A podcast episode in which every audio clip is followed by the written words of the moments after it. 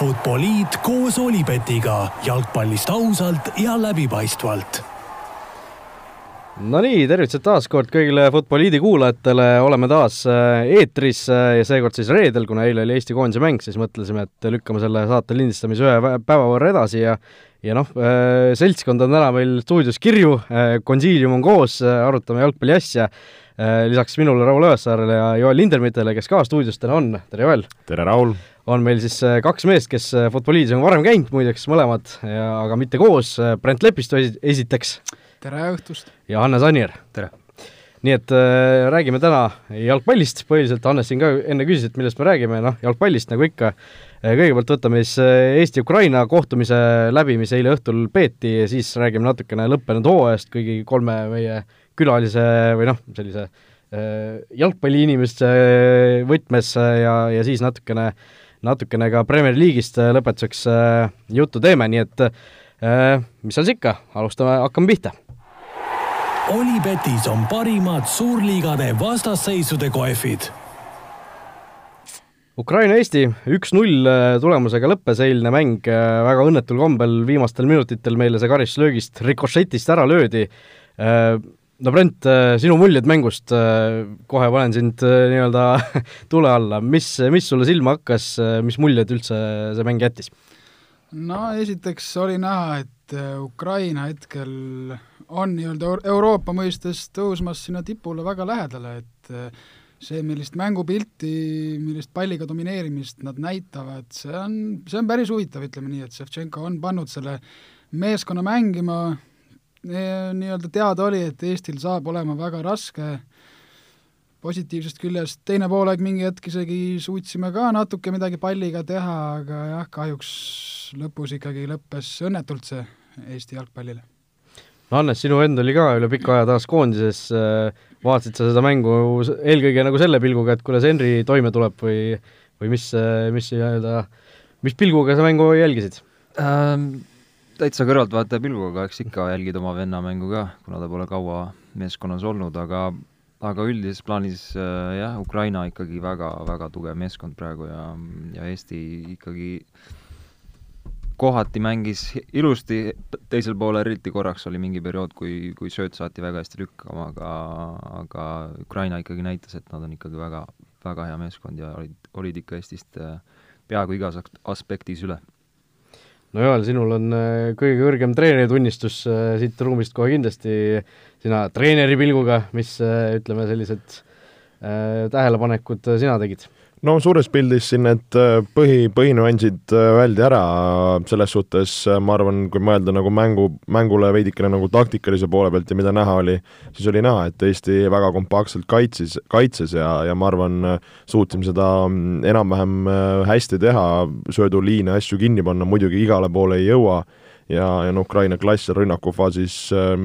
tekitasidki teatud, teatud momendid äh, noh, kui esimesel poolel me nii hästi oma palliga mängu käima ei saanud, et sealt saab äh, osalt vaadata sinna suunas, et äh, Ukraina pressing oli üsna okei okay,, aga samas ka ise võib-olla veidikene just build-up'is olime veidike, kuidas ma ütlen, rabedad või, või ei olnud seda päris head sellist äh, kokkumängu aspekti, mida, mida, mida oli ka oodata. Aga teine poolaeg, ma arvan, suutsime mängida julgemalt, olid paremad ruumid, kasutasime neid ära, et noh, nagu siin öeldi ka, et see, see oli pigem positiivne, aga nüüd ongi küsimus, et kuidas seda, seda mängupilti ja seda palliga mängu juba mängu algusest näidata. Ja, ja kindlasti, kuidas olla veelgi ohtlikum, teravam siis, siis vastase kolmandikul ja vastase värava ees. No mulle tundus mingi nurga alt, et see mäng oli nagu niisugune tüüpiline koondiste sõprusmäng, et noh, okei okay,, viimasel ajal neid sõprusmänge üha vähemaks jäänud, aga aga oli nagu niisugune tunne, et kumbki võistkond ei saanud nagu sellist oma mingisugust rütmi kätte, et noh, Ukraina esimene poolaeg, okei okay,, oli see, oli natukene teravam võib-olla kui seal teisel poolel, kui see, need vahetused selle rütmi ära lõhkusid, aga aga selline nagu otsimine käis kogu mängu, jäi teile ka niisugune mulje? jaa, et olen nõus, et tegemist oli sellise tüüpilise sõpruskohtumisega, et kuigi Ukraina esimene poolek näha oli, et nad ikkagi tahtsid esimene poolek selle värava ära lüüa, ei õnnestunud see, teine poolek siis vahetustega, Ukraina vahetustega oli näha, et siis siis läks see mäng eriti selliseks äh,, kuidas ma ütlen, et et see nii-öelda säde kadus sealt ära, et keegi oleks hambad ristis selle võidu nimel nii-öelda võidelnud. no mis äh, selle koha kohta öelda, et äh, no esimesel poolel, nagu Brent ütles, Ukraina tegelikult ju tuli ikka korralikult täisgaasiga ja, ja seal Igonen pidi mitmel korra, korral sekkuma ja, ja kui vaatasime, mm, vaatasin ka neid Ukraina koosseisu ja neid aastaarve, mis, mis aastal need mehed sündinud olid, noh, seal oli üheksakümmend seitse, üheksakümmend kaheksa, et äh, nagu, nagu välja toodi ka siin Sokernetis ja, ja Voolaiu poolt, et äh, et sellise A ja B koondise segu see Ukrainal oli, noh, ja, ja kui me räägime koondise tasemel, siis tihti noh, kui sa tuledki sellise uue miksiga või, või uue nii-öelda koosseisuga, noh siis, siis see üksteise mõistmine ja klappimine ongi enesestmõistetavalt ja võib-olla ei ole nii hea ja, ja sinna see ka selline mängu ladusus läheb, et, et seda nagu oli just eriti teisel poolel näha. no räägime Eesti, Eesti mängust ka natukene, Märten Kuusk, keda me siin eelmises saates noh, mina eelkõige nutsin taga, et miks teda koondises ei olnud, lõpuks ikkagi saatuse tahtel, ütleme siis nii, koondisse pääses, Enar Jääger natukene vigastada sai selles Flora viimase vooru kohtumises ja Kuusk tema asemel koondisse võeti, sai kohe põhikoosseisu, no minu meelest tegi täiesti okei okay mängu, ei jäänud kuidagi nagu halvasti silma või, või midagi sellist, et tundus täitsa nagu mängis koha välja. No ma olen sinuga selle koha pealt nõus, et äh, noh, vastane oli tugev, vastane oli üsna ründav, äh, kaitsele kindlasti palju tööd tuli, et, et kaitsefaasis, kus pidi olema õige positsioonivalikuga või duelli või kontakti minema, sai, sai väga tublilt ja eeskujulikult hakkama. Ja, ja, ja ka palliga, mida mäng edasi, seda rohkem enesekindlamaks läks aga, aga oli ka näha, et seal võib-olla mõned söödud olid sellised veidikene ebakindlad või, või ei teadnud täpselt, äh, kuhu, kuhu kaaslane kas avaneb või, või nii-öelda nagu ennem rääkisin, sellest üksteise mõistmisest. et, et sellest oli võib-olla veidikene mängu ülesehituses äh, jäi, jäi puudu, ma arvan, meil kogu võistkonnana, mitte ainult temal, et kuidas sealt, just sealt see altfaasist äh, läbi keskvälja ja läbi äärekaitsjate see mäng siis üles ehitada. jah, et et positsioonimängust jäi silma ka see, et ütleme nii, et põhi, põhiasi, mis öeldakse, kui sa palli omad, et nii-öelda tee väljak suureks, on ju. et aga nagu me nägime ka Ukraina nii-öelda mängust, siis ikkagi see mees, kelle käes pall on, et siis ikkagi meeskonnal on vaja, et seal palli ümber oleks, ütleme, kaks-kolm meest, kellega on võimalik nii-öelda sellist lühikest kombinatsioonimängu mängida et, et tihtipeale, kui sa meeskondlikult hästi laiaks oled, siis on need sööduliinid ka hästi pikad ja Eesti-sugusel meeskonnal on väga raske niimoodi mängida. Et siis ongi see küsimus, et kas sul on vaja nii-öelda palli juurde rohkem toetust või siis on vaja üks-ühe vastu hakata natuke teravust tekitama, et ka Ukraina mehed võib-olla natuke jala värisema saaks, et teine poolaeg äh, jah, ütleks, et näiteks Frank Liivak äh, paistis silma selles mõttes äh, positiivselt, et et kui ta palli jalga sai, siis ta ikkagi nagu, esimene mõte oli värava poole, et ta ikkagi võtab ette mõne mehe ka nagu, et, et sealt et sealt paratamatult üks-ühe pealt siis hakkavad tekkima need ruumid ja keegi peab sul tulema nii-öelda abisse Ukraina meeste poole pealt kaitses, tekib jälle kuskile mujale ruum, et et jah, et seda, seda peaks nagu silmas pidama ma olen mingil määral nõus ka jah, et äh, et sellised peitmised võib-olla sellistes mängudes ei ole hea lahendus, et selline mäng on just võib-olla, kus sa saaksid ennast ideaalis näidata ja nii tugeva koondise vastu, kui üldse praegu mängida on võimalik, et et otsida toetuseid, võtta ette mängijaid, mitte lihtsalt sa teed kuus sammu ette ja pöörad tagasi, annad turvalise söödu ära, vaid lihtsalt sa proovidki teravust tekitada nii palju, kui seda võimalik siis on, et, et loomulikult kõik aduvad, tegu on üli, ülitugeva, ülitugeva meeskonnaga, aga aga sellises mängus on väga hea võimalus sul silma jääda ja Ševtšenko samamoodi kasutas ju mitte võib-olla põhimehi, vaid, vaid nii-öelda B-koondise mehi, et nendel, nendel on ideaalne võimalus sellises mängus ju just teravust tekitada ja näidata, milleks nad võimelised on, et, et Eesti mängijad ei tohiks sellel, selles suhtes erinevalt mõelda, ma arvan. No räägime mängijatest, kes äh, hästi silma paistsid, Matvei Igonen, ma ei tea, kas teine või kolmas koondise mäng tal vist üldse oli, aga noh, ei paistnud nagu küll kuskilt välja, et kohe mängu alguses tegi seal ühe väga hea tõrje äh,, lähilöögi võttis ära ja teisel poolel ka üks, kas Nikita Baranov äh, ise peaga suunas, tõi sealt näpuotstega nurgast ära ja ja oli ikkagi väga korralik, noh väravas täiesti null süüd selles suhtes, et seal väravahti süüdistada ei saa ja ja noh, tegi ikka väga korraliku esituse, et ütles pärast mängu ERR-il ka, et noh, tahan öelda, et andke mulle see võimalus koondises, et ma arvan, et olen päris okei okay, nagu Floras. jah, et ütleme, kui su meeskond on sellise konstantse surve all, nagu Eesti seda oli, siis väravahi jaoks on see võib-olla nii-öelda isegi jackpot, on ju, et et kui sa seal saad võib-olla paar lihtsat tõrjet teha, hoiad ikkagi nulli taga, ka pärast teed mõned võib-olla sellised väga-väga head tõrjed, saad enesekindlust, et Matvei kasutas, kasutas oma võimaluse väga hästi ära, ma arvan, jah. Ma selles suhtes äh, kiidaks ka Igoneni omalt poolt, et äh, noh, just see hooaja teine pool, mis, mis ta meil Floras mänginud on, näitas, et äh, ta suudab väga, väga kindlalt ja, ja võistkonda vajalikul hetkel tassida, et, et, et tõrjetöö oli väga eeskujulik, noh, palliga mäng me oleme ka näinud, et ka Eestis on olnud olenevalt mängust mõnikord väga hea, mõnikord natukene logiseb, et, et mingid võib-olla pikad söödud ja, ja poolpikad natukene läksid äh, võib-olla veidikene ebatäpseks. Aga, aga ma noh, näen ka, kuidas päevast päeva ta väravate treener Aiko Orglaga ja ise ka sellele kallal tööd teeb, et, et see ei käi väravahi puhul nagu nipsust, et üks hetk sul see pikk sööt on jube hästi paigas ja, ja ja kohe paned nagu kulda, et see, see võtabki veidikene aega. küll ma tegelikult, kui mõelda selle värava peale, äh, kui me eile seda mängu vaatasime, siis äh, minul äh, treenerina tekkis väikene mõttekoht selle värava ajal selline, et kui nüüd ma ei julge täpselt öelda, kes need mehed seal äh, müüris olid, et löök oli võib-olla kuskil seal kahekümne natukene peale meetri pealt, müüris olid Vassiljev, Sorga, Ženjov ja jah, äkki, äkki jah, midagi taolist, ühesõnaga meil oli üsna lühikene müür. üsna lühikene müür, kui me räägime väga lähedalt löögist, et äh, et äh, miks mitte panna sinna pikad mehed müüri, kus siis noh, kui mõelda ise, mis see keskmine pikkus seal oli, võib-olla meeter seitsekümmend, ma ei tea, meeter kaheksakümmend, ei oska täpselt öelda, et kui panna seal pikemad keskkaitsjad või äärepoolikud, kes meil seal on, noh meil küll väga pikki mehi seal küll ei ole võtta, aga võimalikult, võimalikult pikk müür, kes, kes siis lihtsalt sõna otseses mõttes füüsiliselt katab seda, seda väravat rohkem ära ja hüppe puhul ka siis, et praegu see löök oli madal, tuli pea rikošett ja läks väravast, oleks olnud võib-olla pikem mees müüris, oleks lihtsalt palliga sõna otseses mõttes vastu nägu saanud ja, ja selle värava siis, siis ära hoidnud, et see, see jäi minule nii-öelda natukene niisuguse treeneri pilguga veidikene silma no minul jäi silma, et see, et see Meesus, kes selle värava lõi, meenutas, eriti kui ta karistuslöökidest valmistus, meenutas natuke Janek Õiglast millegipärast, et niisugune soeng ja sa-, habe oli nagu natuke sarnane, et keegi teine veel, ei jäi kahjuks kahe silma vahele. no vot, igatahes kes, kes, kes otsib, see leiab äh, sarnasusi, nii et et selline asi mulle silma jäi, aga noh, keskväli tundus äh, meil eile natukene, jäi kuidagi nagu nähtamatuks, äh, noh, minu selline amatööri silm äh, nagu noh, Ainsalu ja sealt kes, kes seal veel oli, Kreidali ja Käit. ja Käit veel, et noh, Käidil okei okay,, see mängupraktika puudumine võib-olla natukene andis seal tunda, et pisut oli nagu rabe, Ainsalu ka, noh, kuskil oli ka statistikat vist kaheksa kahe võitlust, null võitu nendest, on ju, et noh, jäi nagu natukene, natukene vastastel alla sealt no selles suhtes ähm, noh, sellises mängus ka, kus sa enamjaolt tegu, tegutsed äh, kaitse, kaitsefaasis äh, ja, ja neid statistika, neid duelle, asju, noh, need on tihti, loetakse väga subjektiivselt ka, et kus sul võib-olla ei ole võimalust võita ja pannakse see vastasele, et, et sellesse ma võib-olla nii kinni ei jääks, aga selle koha pealt olen sinuga nõus, et äh, võib-olla olime natukene just omale keskväljal ruumi tekitamises ja sellises julguses Äh,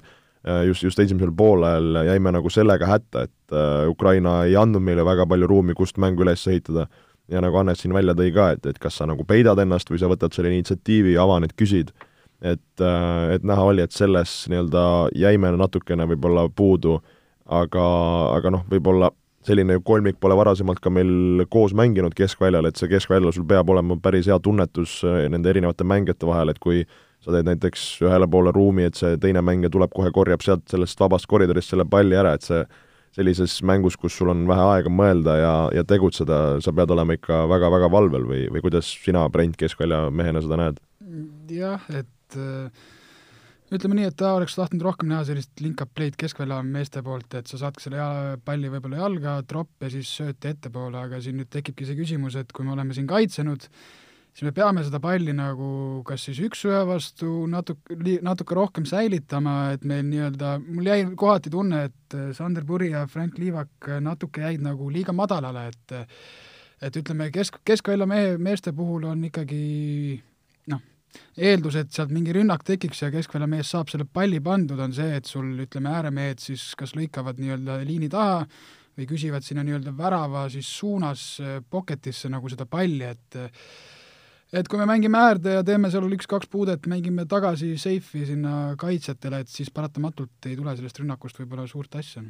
ja noh, see ilmselt on ka üks põhjus, miks äh, Henri Anier ütles, et noh, sisuliselt oleks nagu keskväljal mänginud, et et pidi ainult seal äh, jooksma ja tagasi kaitsetööd tegema ja noh, niimoodi ei ole ka ime, et sellest äh, ründest suurt asja lõpuks ei tule, on ju. jaa, väga raske ründajana sellises mängus kindlasti, et äh, nagu teistel äärtel, mõlemal ma kujutan ette, et langed ikkagi väga-väga madalale ja oma poolele täiesti, et äh,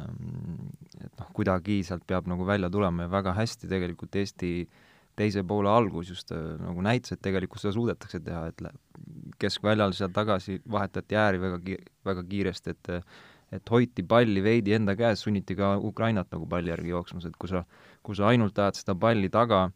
ootad seda ühte võimalust, millal ette minna, et seal siis hoida ja, ja meeskonda järgi oodates sa paratamatult oled juba nii, niivõrd palju energiat pannud selle ülejäänud mängu palli tagaajamise peale, et sa pead, sa pead väga hästi õnnestuma selle rünnakuga, et sealt värav tuleks ja energiat nagu maksimaalselt kasutada oleks võimalik, et et selles suhtes sellised mängud on kindlasti ründajale ja ründavate suunitlusega mängijatele väga,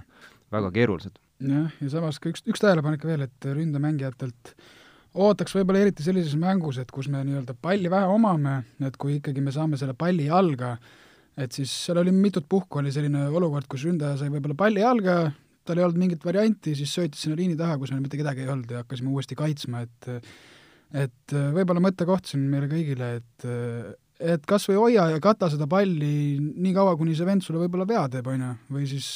ongi, et sa hoiad seda palli, sa saad enesekindlust, keegi tuleb jälle, peab vastasest appi tulema ja tekib jälle kuskile rohkem ruumi, et noh, seda ma võib-olla päris nõus ka ei ole, et, et ründajana üksinda on väga keeruline hoida seal mingi viie, viie mehe vastu nagu palli, et et see peab olema juba siis terve meeskonna nii-öelda äh, ümberlülitumine rünnakusse kohe, et sa pakudki ründajale seal paari sekundiga või uut, uut võimalust, kuhu pall jätta, või siis kui pöörata, et ma lähen liini taha, jooksen, kohe panna sinna palli, et väga raske on on eeldada ründajat hoida seal nelja suure mingi Ukraina kaitse vastu nüüd palli viis sekundit, oodata, kuni me väsinuna jõuame järgi rünnakule ja siis sealt hea lahendus leida, et et, et ma ise ründajana tean, ma olen mänginud selliseid mänge, et see, see on, see on raske,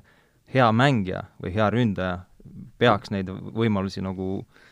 ütleme, maksimaalselt hästi kasutama, aga see ei ole, see ei ole tihtipeale nii, nii kerge, et, et seal on ikkagi terve meeskond samamoodi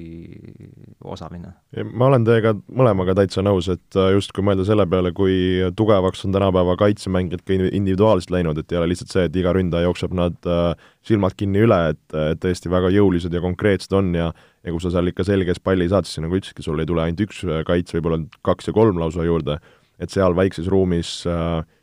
sul ei jää muud üle, sa pead lihtsalt kuidagigi püsima. Ja samas ka nagu Brent, sinu öelduga nõus, et, et kui me Eestina mängime veidikene madalamalt, siis noh, meie ründaja või ründajavad mängijad, noh, neil ei jää muud üle, nad peavad nendest väga kehvadest olukordadest, väga rasketest olukordadest võtma selle maksimumi. Ja kindlasti peab ka just, nagu te ütlesite, see, see toetav brigaad või toetavad mängijad kohe kiiresti välja, välja jõudma ja toetusesse, et see võib-olla nii lihtne ei ole, kui sa seal äärepoolikuna alles olid oma kuueteist kasti juures ja järsku pead sa olema üle vastase keskjoone, et et tõesti need nagu, need distantsid ja meetrid, mida sa pead kas kontrarünnakutel või, või nendes momentides läbima, võivad ikka päris, päris nagu suureks minna. no üks äh, selline tuline küsimus on siin viimastel päevadel tekkinud äh, Sokkenti Foorumis on äh, kahte lehte inimesed jagunenud, küsimus on lihtne, kas Gerd Kams oleks pidanud selles mängus mängima, arvestades seda, et tema on teatanud, et tema oma karjääri lõpetab, temast ütleme, tuleviku mõttes meil enam kasu ei ole, samas tema kogemused, kõik see oskused, noh, selles praeguses hetkes on meil ju, eks ju, kasulikud, aga ütleme, kui me vaatame tulevikku, kes on Taio Tõniste järel meie teine parem kaitsja, põhimõtteliselt noh, ei olegi ühtegi sellist konkreetset nime, sellist noort tõusvat talenti, kes kes siin jalaga ukse lahti lööks, et kas Kamsi, ütleme, kaasamine selles koondise aknas oli õige, arvestades, et järgmiseks aastaks, järgmiseks koondise aknaks temast enam nagu ilmselt mängijat ei ole ju, kui ta karjääri lõpetab? No mina, mina siis jagunen sinna leeri, et äh, arvan, et ikkagi koondises,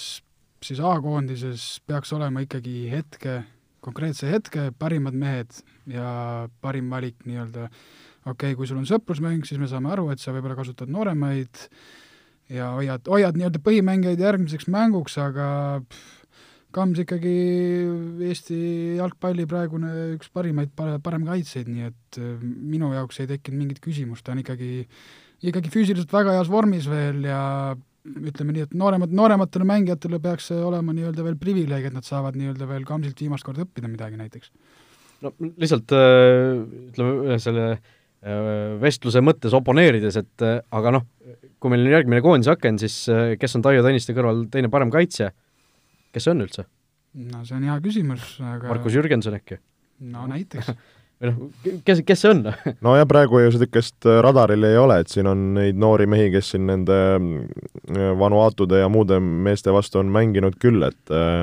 et tõesti siin äh, esmapilgul just viimasel väga palju ei ole nii-öelda koondise ringis neid kaasatud, aga ma ka nii-öelda oleks selles leeris, et äh, mis, mis Brent välja tõi, eriti kui Kamsi puhul me räägime sellel hooajal väga-väga heast hooajast individuaalses plaanis kui ka meeskondlikus plaanis, ja, ja sul ongi kaks, kaks sellist tugevat mängu, siis sa mängidki seal parimate meestega ja noh, saan aru, kui sul olekski võtta see kohe valmis noor kõrvalt, kellele see mäng juba anda, aga praegu seda võtta ei ole, nii et äh, minu jaoks igati loogiline, et ta seal, seal koosseisus oli minul sama, ma sellest siin nii suurt numbrit ei teeks, Kams on teinud väga hea hooaja, väga heas vormis on ta, äh, pluss nagu te mainisite, ei ole ju kedagi hetkel näha, kes paremas kaitses võiks asendada, kas siis Gerd Kamsi või Taio Tõnist, et, et et mina sellist suurt numbrit sellest küll ei teeks, et miks ta nüüd alustas või miks, miks, miks mitte. no noh, seal on see küsimus, et äh, kui meil ei ole kedagi praegu, siis äh, või noh, keegi peab see ju lõppude lõpuks olema, eks ju, et äh, miks mitte teda juba praegu nagu harjutada, aga noh, jällegi ma ise ka, kui see koondise nimekiri välja tuli, noh, me eelmises saates ka nagu ei, isegi ei puudutanud seda teemat, et see Kamsi tulek tundus nagu selline loogiline ja ja, ja noh, arusaadav, et miks, miks just tema, et et ma ka ei, ei tähtsustaks seda niimoodi üle, aga noh, fakt on see, et see mingisugune valik tuleb Karl Voolaidil kindlasti teha järgmisel aastal, et kes selleks äh, teiseks paremkaitseks sinna tuleb, et et noh, on selliseid natukene vanemaid, kogenumaid valikuid, eks ju, Markus Jürgenson, noh, Karl Mööl on siin mänginud äh, küll viimasel ajal vasakkaitses äh, rohkem Paides, aga aga kindlasti paremal mängida oskab, noh, nemad võib-olla on sellised valikud, keda, kelle tase on nagu teada-tuntud, aga noh, neid nooremaid mehi mingi hetk peab peale tulema, sellepärast et ega Markus Jürgenson on ka juba sinna kolmekümne juures ja Karl Mööl noh, küll mitte, mitte küll kolmekümne juures päris, aga tema ei ole ka veel ju üheski valis, valikmängus ei ole koondisse kuulunud, nii et et on huvitav näha, mis sellest olukorrast äh, parem kaitses saab. okei okay,, koondise teemal veel mõtteid? mida oodata Hollandi mängust? just, Hollandi mäng teisipäeval, Brent, äh, sinu ootused? noh, siin ülejäänud seltsimeestega lähme ka koha peale vaatama, nii et öö, äh, ootan, ootan kindlasti Eesti poolt nii-öelda hammaste näitamist siis Amsterdami areenal, et, et, et loodame, loodame nii-öelda, et et ei jääks peale mängu häbisse. Jah, ma ootan samamoodi väga niisugust võib-olla võitluslikku esitust siis Eesti poolt, et muud, muud sealt on, on võib-olla keeruline näha, aga aga lihtsalt head, head jalgpalliõhtut ja jah, mitte, mitte, mitte väga suurt kaotust, ütleme siis. No minu ootus, et äh, kui mõelda selle viimase mängu peale ka, siis noh, Holland näitas noh, kui, kui mürgised nad äh, rünnakufaasis on ja kuidas nad suudavad selle kombineerida ja momente luua,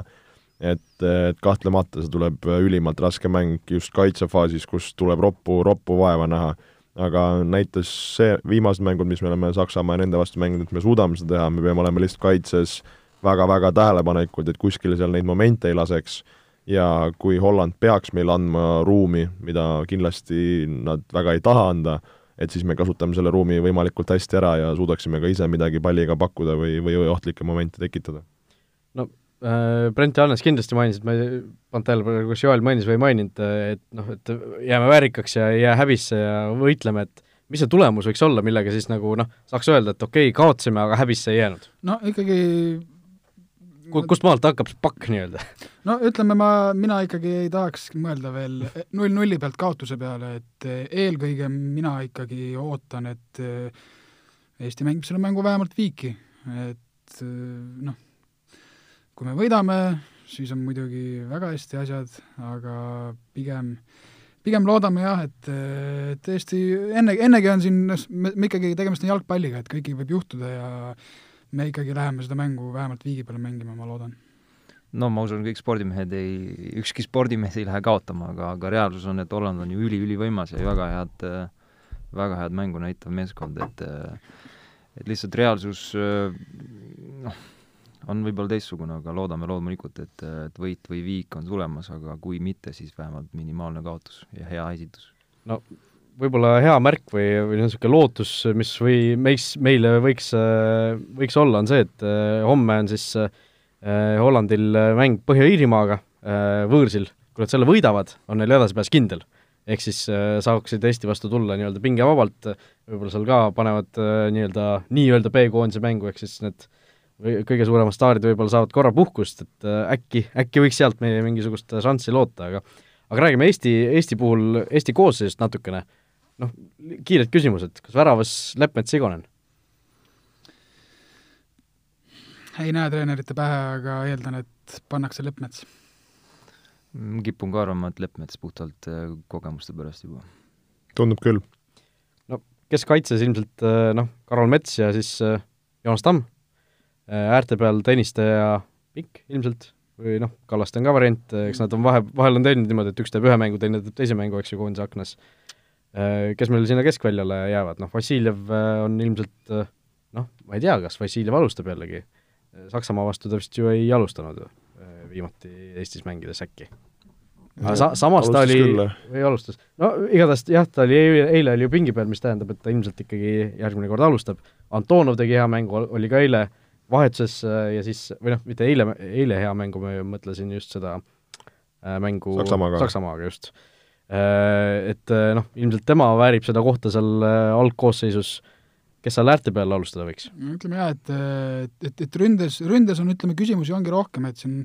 ka eile hea mängu teinud Frank Liivak võeti võib-olla varem puhkama, on ju, et ei tea, mis selle, selle nii-öelda eesmärk oli, noh, Ojamaa ilmselt, ma arvan, alustab suht kindlalt, Sorga, Sorga ka ilmselt, et, et nüüd on näha, et mis need treenerid välja mõtlevad. jah, ma siin on, nagu Brent ütles, mingid need äh, ääreründajate kohad on, eks äh, ääreründajate positsioonil meil just väga palju muid valikuid ei ole, noh, Senjov, Ojamaa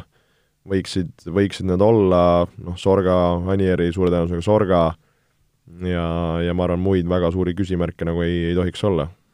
Ma usun ka jah, need, kes vähem ikka mängisid, ma arvan, et Ojamaa, Senjov ja Sorga on ründajakolmik võib-olla seal eespool. jah, ja keskväljal siis äh, üks mees oli Vassiljev ja teine on siis äh, Antonov. olete, olete nõus või vaidlete vastu? nojah, seal on üks koht jääb vabaks, et kas selleks on siis Kreida või, või Ainsalu, see oleks nagu, nagu loogiline, kui just ei hakata sinna Karol Metsa nihutama, mis, mis võib ka variant olla. aga kahtlane. No igatahes teisipäeval teada saame, kakskümmend üks nelikümmend viis, siis mäng meie aja järgi algab Amsterdam Arenal, teie sinna lähete, mina ei lähe, kusjuures algselt pidi plaan olema, aga siis vahetasin töökohta ei lähe, nii et et äh, saan mina seda mängu taas kodust vaadata, ei pea kuskil lennukis istuma, vahepeal saan endale ka mingeid positiivseid asju siit leida, aga aga okei okay,, äh, koondise jutud praeguseks räägitud, läheme siis edasi muude teemade juurde. Kas teadsid, et Olipet toetab FCI Levadiat? Olipet toetab FC Levadia-t, aga meil on siin äh, stuudios teiste klubide esindajad seekord äh, Premium liigas, siis alustame sellest, hooaeg äh, nüüd ametlikult ära lõppes liiga hooaeg kolmkümmend kuus mängu, kolmkümmend kuus vooru kõik peetud on, no FC Flora noh, lõpetas sellise jõudemonstratsiooniga või kuidas, kuidas muud moodi kaksteist null võitu Maardu linnameeskonna üle nimetada saab? No võib seda nimetada küll ja mul on hea meel, et me seda tegime. Aga no eks oli näha, et Mardul oli juba mast maas, äh, teades, et neil ei ole midagi mängus äh, ja, ja ma arvan, meie poolt ka väga selline isukas, isukas partii, kus suutsime olla resultatiivsed ja ja oma, oma võimu nii-öelda maksma panna, et äh, lõpetada hooaeg väga, väga positiivsetes toonides ja, ja see täpselt, mida me ka, ka teha tahtsime no kaksteist väravat, kas see oli nüüd see Flora kaheteistkümnes tiitel, selle mingisugune omapärane viis, kuidas seda tähistada, oli noh, vaatasin seda päris ägedat videot, eks ju, mis teil oli tehtud sellest viimasest päevast, et et seal vist mitu korda mainisite, et teil mingisugune eesmärk väravate vahe näol, väravate vahe näol seotud, seatud siis, et saad sa välja öelda, mis asi see siis oli, kas see oli hooaja algus kuskil juba ei, see oli või... siis enne viimast kahte või kolme mängu, et me tahtsime kindlasti sada väravat kätte saada, see oli vist enne Kuressaare mängu. Ja ja Sa, saite sada kümme siis, ütlen praegu. Jah, see läkski siis juba mängu käigus läks nii-öelda su-, suuremaks. ja, ja me tahtsime kindlasti, et kaitses me omale väravaid ei la-, ei laseks ja võtaks näiteks viimastes mängudes maksimumpunktid ära, et et see oli see nii-öelda oma, omavaheline eesmärk, ma arvan, mille, mille poisid päris hästi täitsid kõrvaltvaataja pilguga vaatasime ka siin neid highlights'e kaksteist nullist, et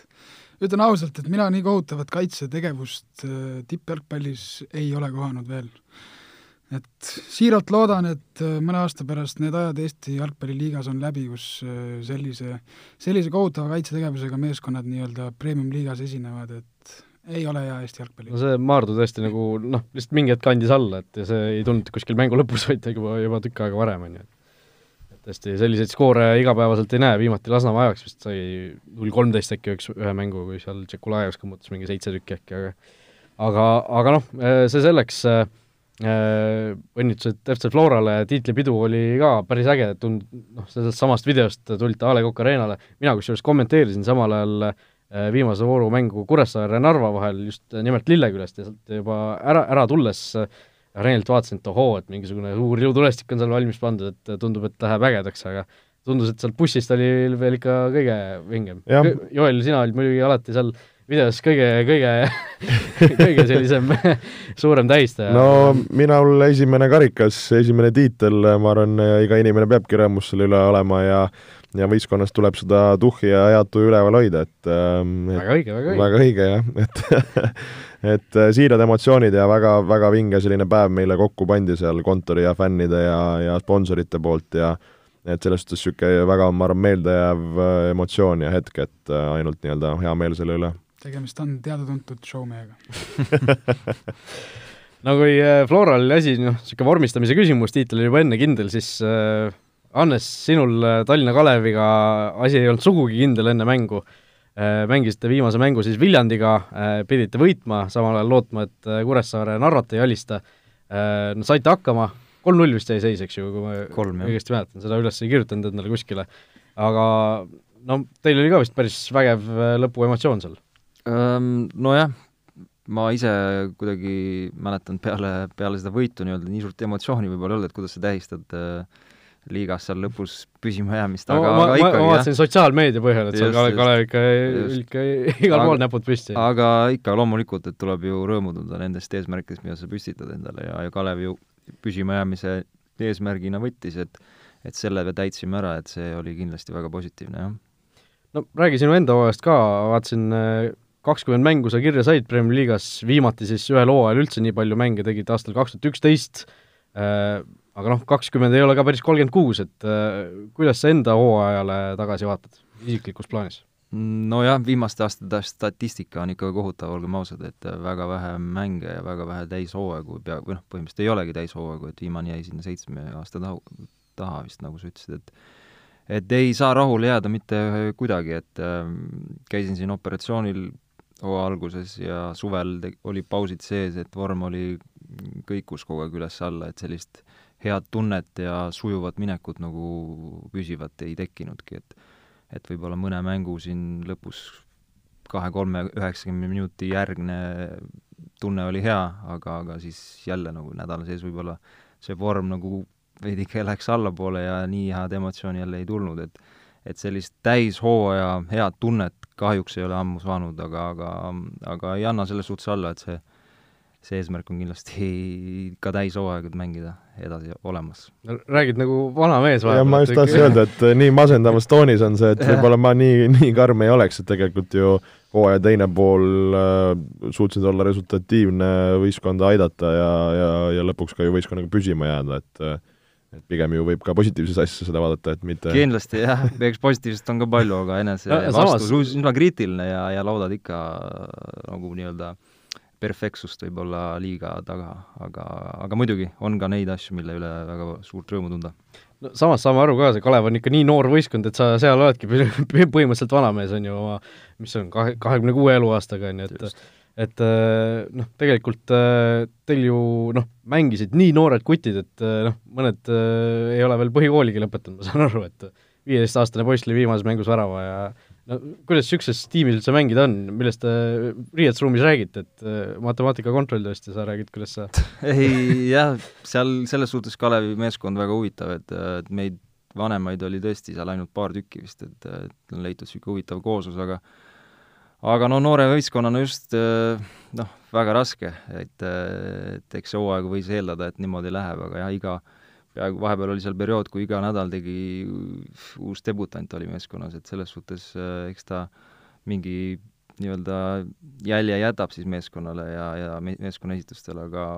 aga üld, üldises plaanis ju täitsime eesmärgi ja, ja Kalev seda, selle suuna võttis, et, et meeskond nagu nooremaks läks, et et lõppkokkuvõttes võib ju rahule jääda hooaega, et, et see eesmärk sai seatud klubi poolt ja, ja selle see meeskond täitis. No sa ise ütlesid, et ei anna alla, jätkad Kalevis? Või? vot väga raske öelda, ei tea absoluutselt, hetkel lähen puhkusele ja tagasi tulles hakkan uuesti jalgpalli peale mõtlema. olgu nii, Brent, kord liigub sinu kätte, sina, kui viimati siin käisid, siis mängisid veel Norras Kristjansundis poole hooaja pealt, siirdusid Soome, Lahtis mängisid ja noh, teil läks ju tegelikult selles suhtes hästi, et jõudsite sinna Euroopa liiga nii-öelda play-off'i, noh, räägi kõigepealt natuke seda Soome süsteemi, seal on nüüd, kas esimest aastat oli vist täiesti uus see liigasüsteem, kus eh, noh, kaksteist võistkonda on, aga seal tehti mingisugune tšiki-priki nende asjadega vahepeal, poole hooaja pealt? jah, et eh, poole hooaja, või tähendab siis löödi liiga kaheks, et eh, et esimene kuni seitsmes siis sats, satsid nii-öelda mängisid omavahel liigasüsteemi veel ja seitsmest kuni kaheteistkümnest siis omaette, et jah, selle ühe, ühe Euroopa liiga koha peale siis käis siis kas neljandast kuni kaheksanda kohani nii-öelda lisaheitlus. siis lisaheitlus jah, et kus siis, kus siis play-off süsteemis mängiti võitja välja ja võitja siis nii-öelda sai selle Euroopa liiga koha, jah. no räägi, kuidas sa, ütleme siis lahti hooajaga rahule jääd, kuidas sa enda hooajale rahu, hooajaga rahule jääd? No ütleme, hooaja esimene pool siin jäi natuke bürokraatia hammasrataste vahele, et jäin sinna Kristjansundi, pidin tegelikult juba talvel tahtsin liikuda, läks seal natukene, läbirääkimised läksid natuke pahasti, olin nii-öelda natuke kinni seal kuni suveni, suvel oli vaja leida mängukoht, kus nii-öelda jälle ennast pildile mängida, Lahti oli väga huvitatud, sai otsus vastu võetud, et lähme Lahtisse,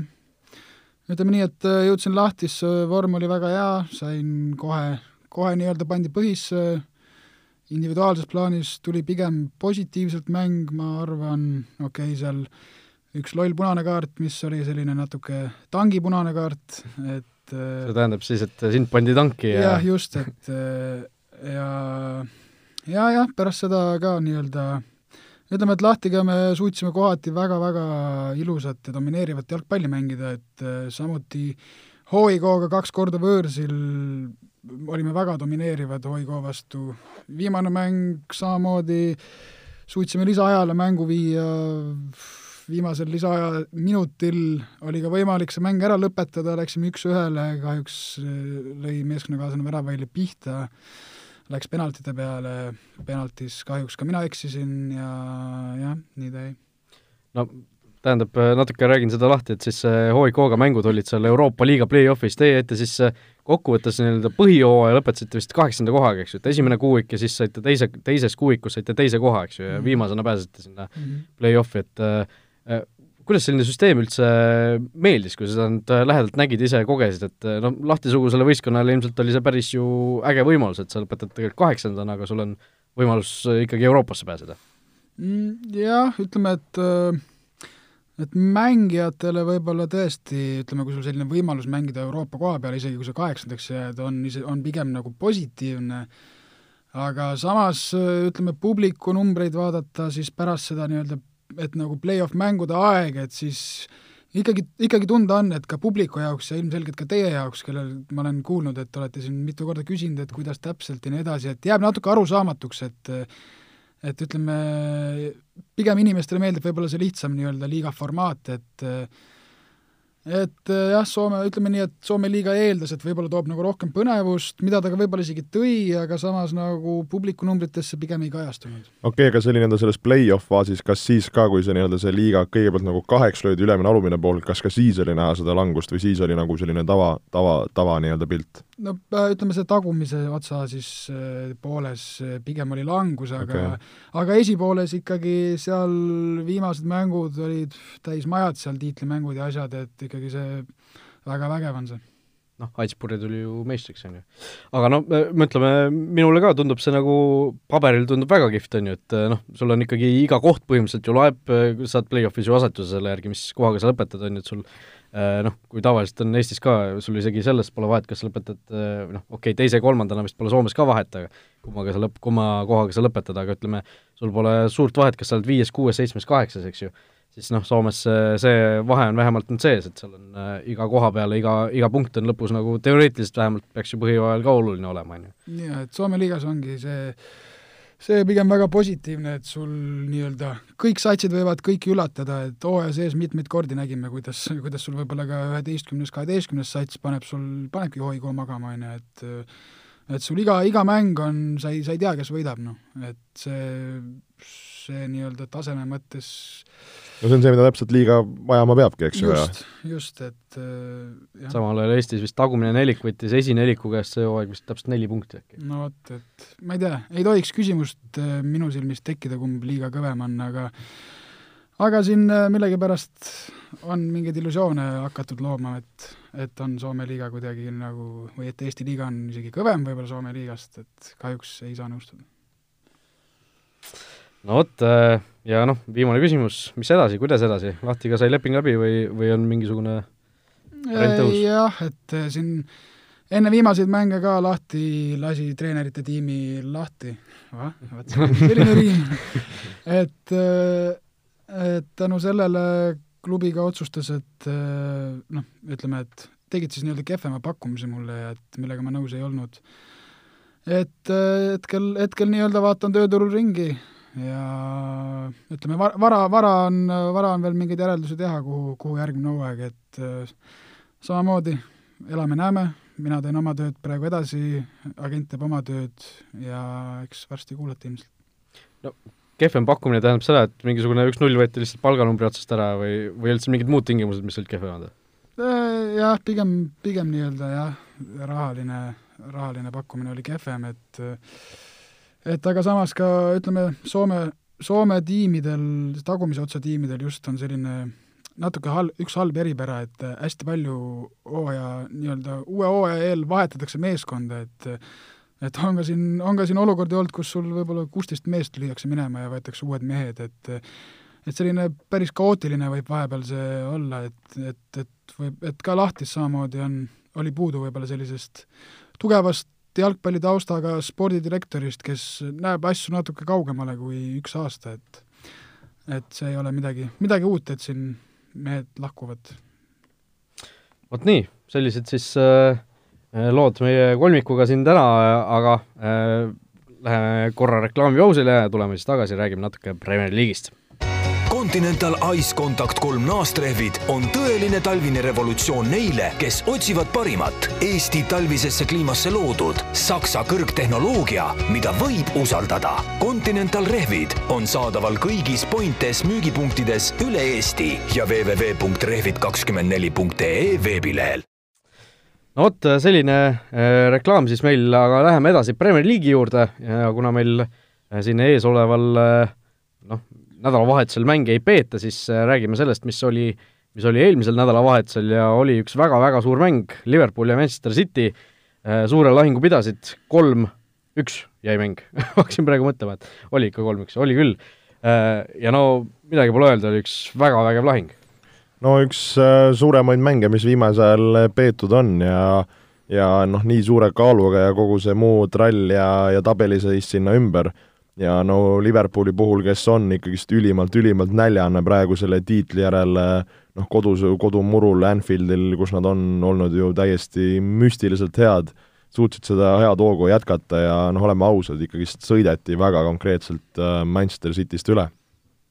jaa, oli tõesti tunda, et Liverpool oli nii-öelda oma parimas mahlas, äh, väga ründav, väga agressiivne, hästi palju jõudu, sa näed seda power'it nende sees City tundus sellel päeval kuidagi natukene lost, et natuke kadunud olid, et et jah, ei oska öelda, mis selle täpne põhjus on, oli ka palju puudujaid neil, aga eks Pepp teab ise kõige paremini, mis juhtus. jaa, nõus, Liverpool on praegu, näitab oma parimat mängu, momentum tundub olevat täiesti nende oma, et, et saab ainult näha, kas ka jätkatakse sellega liiga lõpuni. no lihtne küsimus jällegi, et äh, Liverpool tuleb siis meistriks või ei tule? Kaheksa punkti praegu edu Lesteri ees, üheksa City ees. mina pigem ei näe kedagi, kedagi Liverpooli hoogu ohustamas, kui, kui ainult nad ise endale mingit jama kokku ei keera. mulle tundub täpselt sama, et nende, nende mäng praegu on ikkagi väga stabiilne ja väga head, väga head mängu näitavad, et ei näe, et keegi peale nende enda suudaks seda hoogu kuidagi aeglustada no ütleme, kui ma natukene vastaks pikemalt kui EE-s olevad kõnelejad, siis äh, no Lesterit, Lester on olnud ikka müstiliselt tubli see hooaeg, kas nad suudavad hakata siin meistrikaarte segama, ma ei tahaks uskuda. Äh, noh, Chelsea puhul, et nad on üllatavalt nii tublid olnud, äh, on, on ma arvan, kõigile niisugune pigem positiivne uudis, aga no nendes seda meistri nii-öelda ütleme, klassi ei ole noh, Manchester City, kes praegu siis üheksa punkti taga on, see tähendaks seda, et põhimõtteliselt, põhimõtteliselt Liverpool peaks kolm mängu kohe kindlasti kaotama ja, ja kuskil, kuskil siis midagi veel, et kas Liverpool, kes siin viimase aasta, kahe aasta jooksul on kas korra kaotanudki, ühe korra, kui ma ei eksi, liigas, peaks olema eelmine aasta ühe korra Cityle kaotati ja see aasta ja, polegi ja, kaotatud. Hmm. ehk äh, siis ütleme, kahe aasta jooksul rohkem meistrite liiga finaale kui kui liiga kaotusi, ehk päris, päris sür, sür nagu fakt selle koha pealt. et äh, noh, nagu Brent ütles ka, et siin on ainuke variant see, et Liverpool ise kuidagigi käkib selle ära, äh, noh, seda, sellest Liverpooli ülitihedast mängude graafikust, mis siin kuni nüüd uue aasta alguseni läheb, kus praktiliselt nüüd äh, pärast koondise pausi iga nädal on kaks mängu üle, üle erinevate kontinentide siin et äh, noh, see võib väikseks mure, murekohaks olla, aga, aga ma usun, et see Liverpooli isu ja, ja, ja tahe on praegu nii suur ja City ka, kes on siin juba kaks aastat selle karika kätte saanud, et seda tuhhi neil ei, ei paista nii palju olevat ja silmad ei põle nii, kui on seda varem. et, et tõesti, see peaks olema Liverpooli oma ja Liverpooliga kaotada. jah, et ma arvan, et tegelikult ka, et järeldusi tegelikult teha on natuke liiga vara, et et see kõige kõrgem mägi, et see detsembri lõpp ja nagu Joel ütles, et see tihe mängude graafik, et see tavaliselt nagu filtreerib äh, ära asjad, et et ma arvan, et siin jaanuari alguses saab nii-öelda natuke põhjapanevamaid järeldusi teha.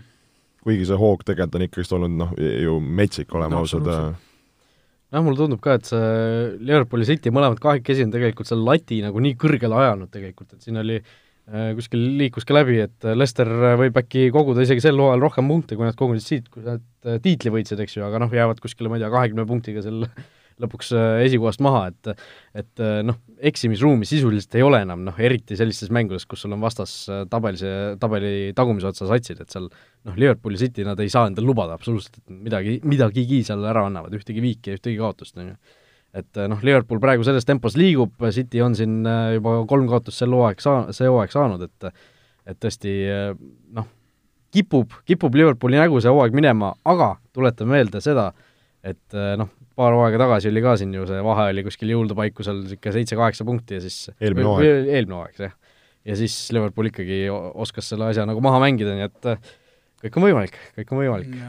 Liverpooli puhul eriti. näeme ka siin suured satsid nagu Tottenham ja minu lemmikmeeskond United. siis on suure sõbra Solskjaer United ei saa, ei saa üldse nagu jalgu alla, on ju, et, et see näitab, näitab ka seda liiga tugevust, et kui sa natukenegi nii-öelda alla oma võimete mängid, siis sa lõpetadki kuskil seal kümne hulgas, noh, et pärast kümmet. Noh. jah, see on, see on see Premier League'i võlu ja, ja sellepärast see liiga ongi nii paelu ja atraktiivne üle, üle kogu maailma ja ja, ja noh, kindlasti see ta-, tabeli lõpp, nagu, nagu Brent ütles ka, et siin Tottenhamid ja Manud, kes on siis Tottenham neliteist praegu ja Manu üllatuslikult, üllatuslikult juba seitsmendale kohale tõusnud, Raul, kas šampused on külmas? šampused on külmas, juba külmast välja võetud, isegi siin nädalavahetusel sai lahti ka teha, järjekordne suur võit kodus, kolm-üks Brightoni üle. see on, seal millegi suure, millegi suure algus on see. Aga noh, nalja naljaks, siin tegelikult äh, hiljuti liikus päris huvitav statistika, et äh, ma neid arve nüüd täpselt ei mäleta, aga äkki oli, et umbes, et Unitedi umbes mingi kahekümne viiest väravast kakskümmend kolm on kas löönud või söödu andnud oma akadeemia mängi tegelikult sel hooajal, et et noh, niisugune KTM-ide paradiis, noh. teine statistika, mis siin läbi käis, oli ka see, et kui mängud lõpeksid esimesel poolajal, on ju, et siis, siis United juhiks liigat väga tugevalt, et et et äh, mida iganes Ole Gunnar seal poolajal meestega teeb, peab ta selle ära lõpetama jah, kusjuures tõesti, vaatasin ise ka seda praegu tei-, teisel kohal, või noh, võrdselt punkte oleks Liverpooliga, et tõesti uskumatu, uskumatu statistika, et võib-olla füüsise pealt või midagi, et et kuidas see teine poolaeg niimoodi ära kukub, aga tõesti päris, päris äge niisugune statistika.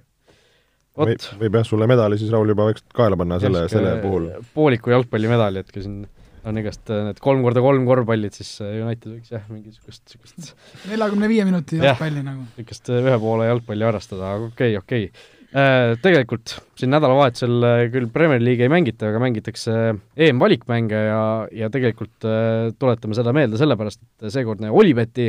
meie hea toetaja küsimus, kuulaja küsimus puudutab siis EM-valikmänge just nimelt. Inglismaa koondis, kel ka siin omajagu neid Premier League'i mängijaid on, alistas siin viimati ju eile Montenegro kodus, see oli seitse lõpuks ikkagi, seitse-null ja läheb siis laupäeval Äh, vastamisi äh,, oli pühapäeval? pühapäeval, pühapäeval läheb vastamisi võõrsil Kosovoga ja inglastel on küll edasipääs juba kindlustatud, Kosovo sisust välja langenud, aga küsimus on siis äh, selline, et mitu väravat Kosovo-Inglismaa mängus lüüakse. Ja noh, teeme siin kiire, kiire ennustus, niisuguse tiiru ka, Joel, mitu väravat lüüakse? ehk kokku mitu väravat lüüakse, on küsimus. Kosovo, kes on olnud üsna tubli, kolmandal kohal selles alagrupis. no see kaotus Tšehhile, mis nad eile said, lõpetas nende lootused sisuliselt. jah, no ehk siis suure tõenäosusega mõlemal, või noh, mitte suure tõenäosusega, vaid mõlemal võistkonnal asjad tehtud äh,